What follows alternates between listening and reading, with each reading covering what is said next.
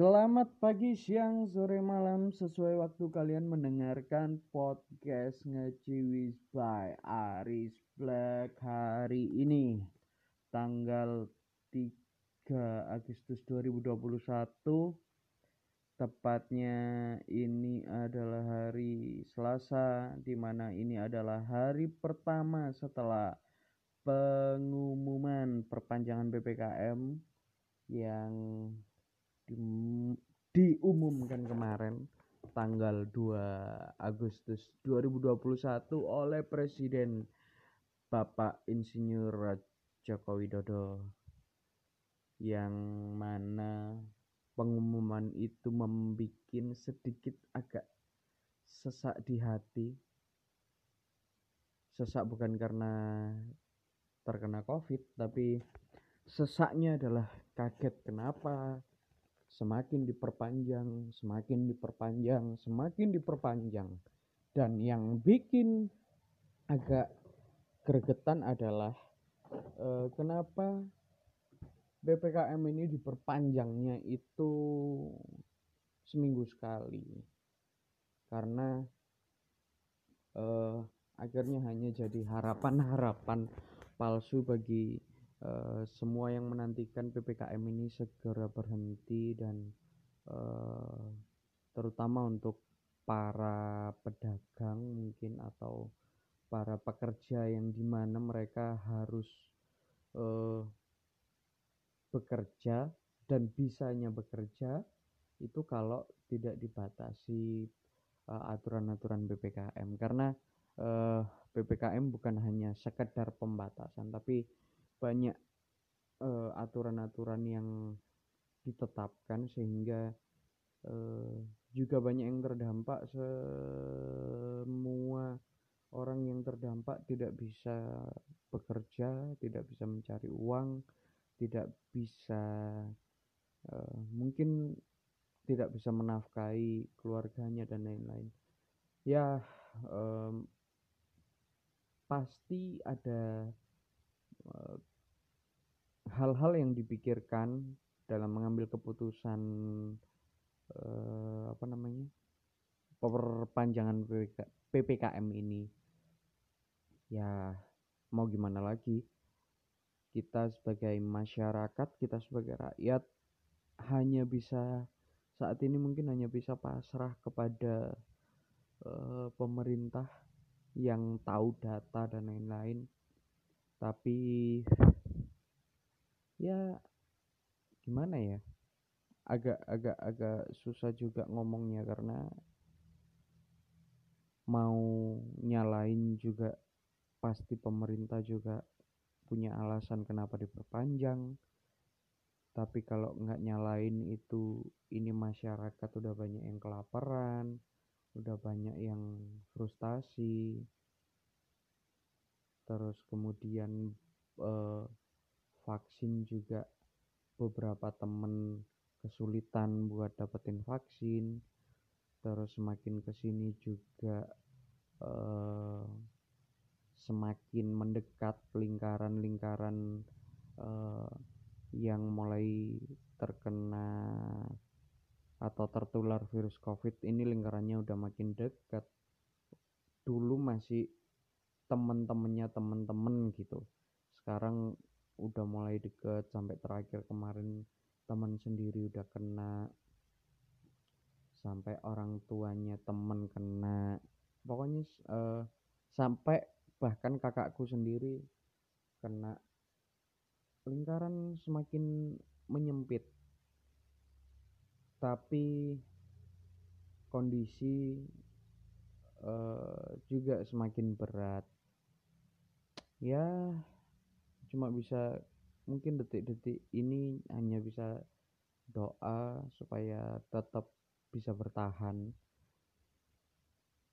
Dan uh, mungkin ini opini pribadi ya. Bisa dikoreksi kalau mungkin salah.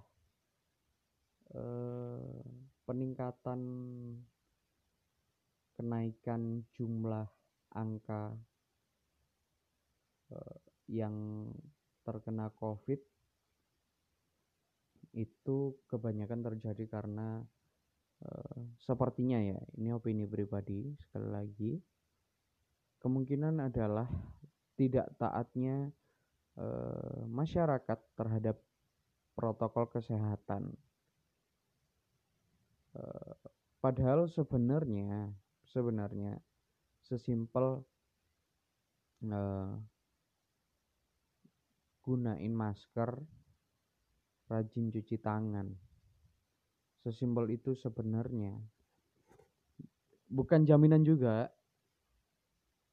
Saya tahu, aku tahu kalau itu bukan jaminan juga. Kita nggak terpapar COVID.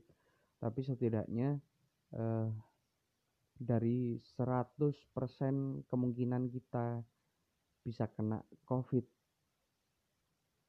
Seenggaknya resikonya nggak nggak sampai 100% gitu loh kalau kita uh, menggunakan protokol kesehatan yang benar. Bahkan sepanjang PPKM ini uh, setelah dianjurkan kita menggunakan masker double, aku kalau keluar rumah akan selalu menggunakan masker double apalagi uh, tahu mau ke mana atau mungkin bahkan malah nggak tahu mau ke mana pasti uh, filter pertama, proteksi pertama adalah menggunakan masker double dan uh, sebisa mungkin setiap ke tempat-tempat mungkin kayak belanja ke supermarket atau ke mana pun kan sekarang udah pas udah dibilang pasti ada uh, fasilitas cuci tangan di depan. Dan itu gunakanlah manfaatkanlah cuci tangan dengan sabun. Biasanya ada sabunnya. Kalau di supermarket yang gede ya biasanya ada. Kalau yang kayak di Indomaret, Alfamart ada beberapa yang ada sabunnya. Kadang juga nggak ada. Kadang juga galau.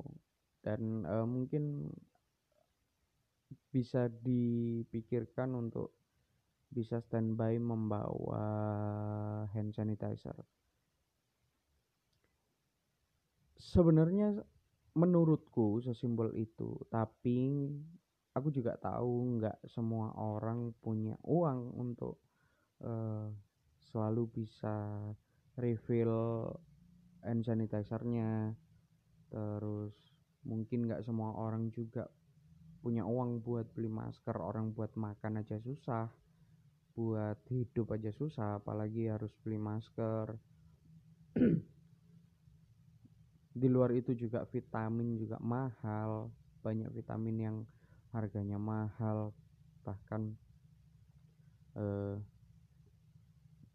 beberapa waktu yang lalu ngeliat vitamin harganya bahkan sampai 300 ribu 400 ribu. Sangat sulit memang sangat susah. Dan aku paham nggak semua orang bisa menjangkau itu. Tapi usahakan eh, se semaksimal mungkin apa yang bisa dilakukan dari protokol kesehatan yang ada ya ayo kita lakukan supaya ini juga membantu menekan angka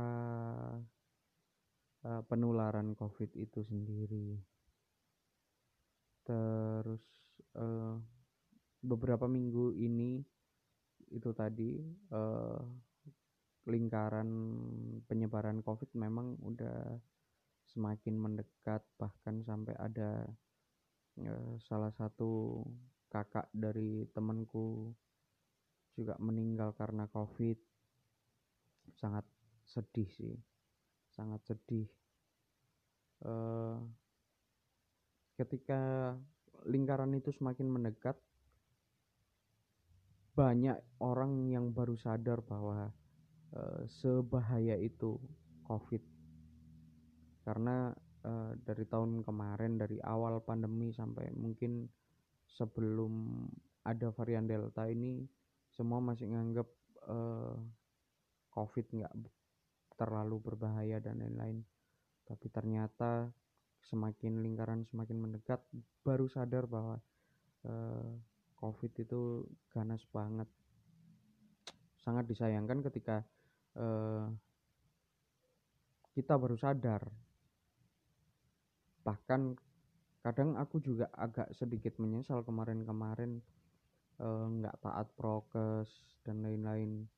Sehingga mungkin salah satunya karena aku bandel itu akhirnya ada aturan PPKM darurat dan darurat dan lain-lain. Kalau pagi gini agak susah ngomong lancar. Ya mungkin itu salah satunya yang akhirnya menjadikan uh, kita harus menggunakan prokes yang semakin orang bilang pasti ini ribet harus double dan lain-lain. Tapi sebenarnya kalau dari awal kita taat prokes seharusnya nggak sampai seribet ini dan nggak sesusah ini sampai ada ppkm dan lain-lain.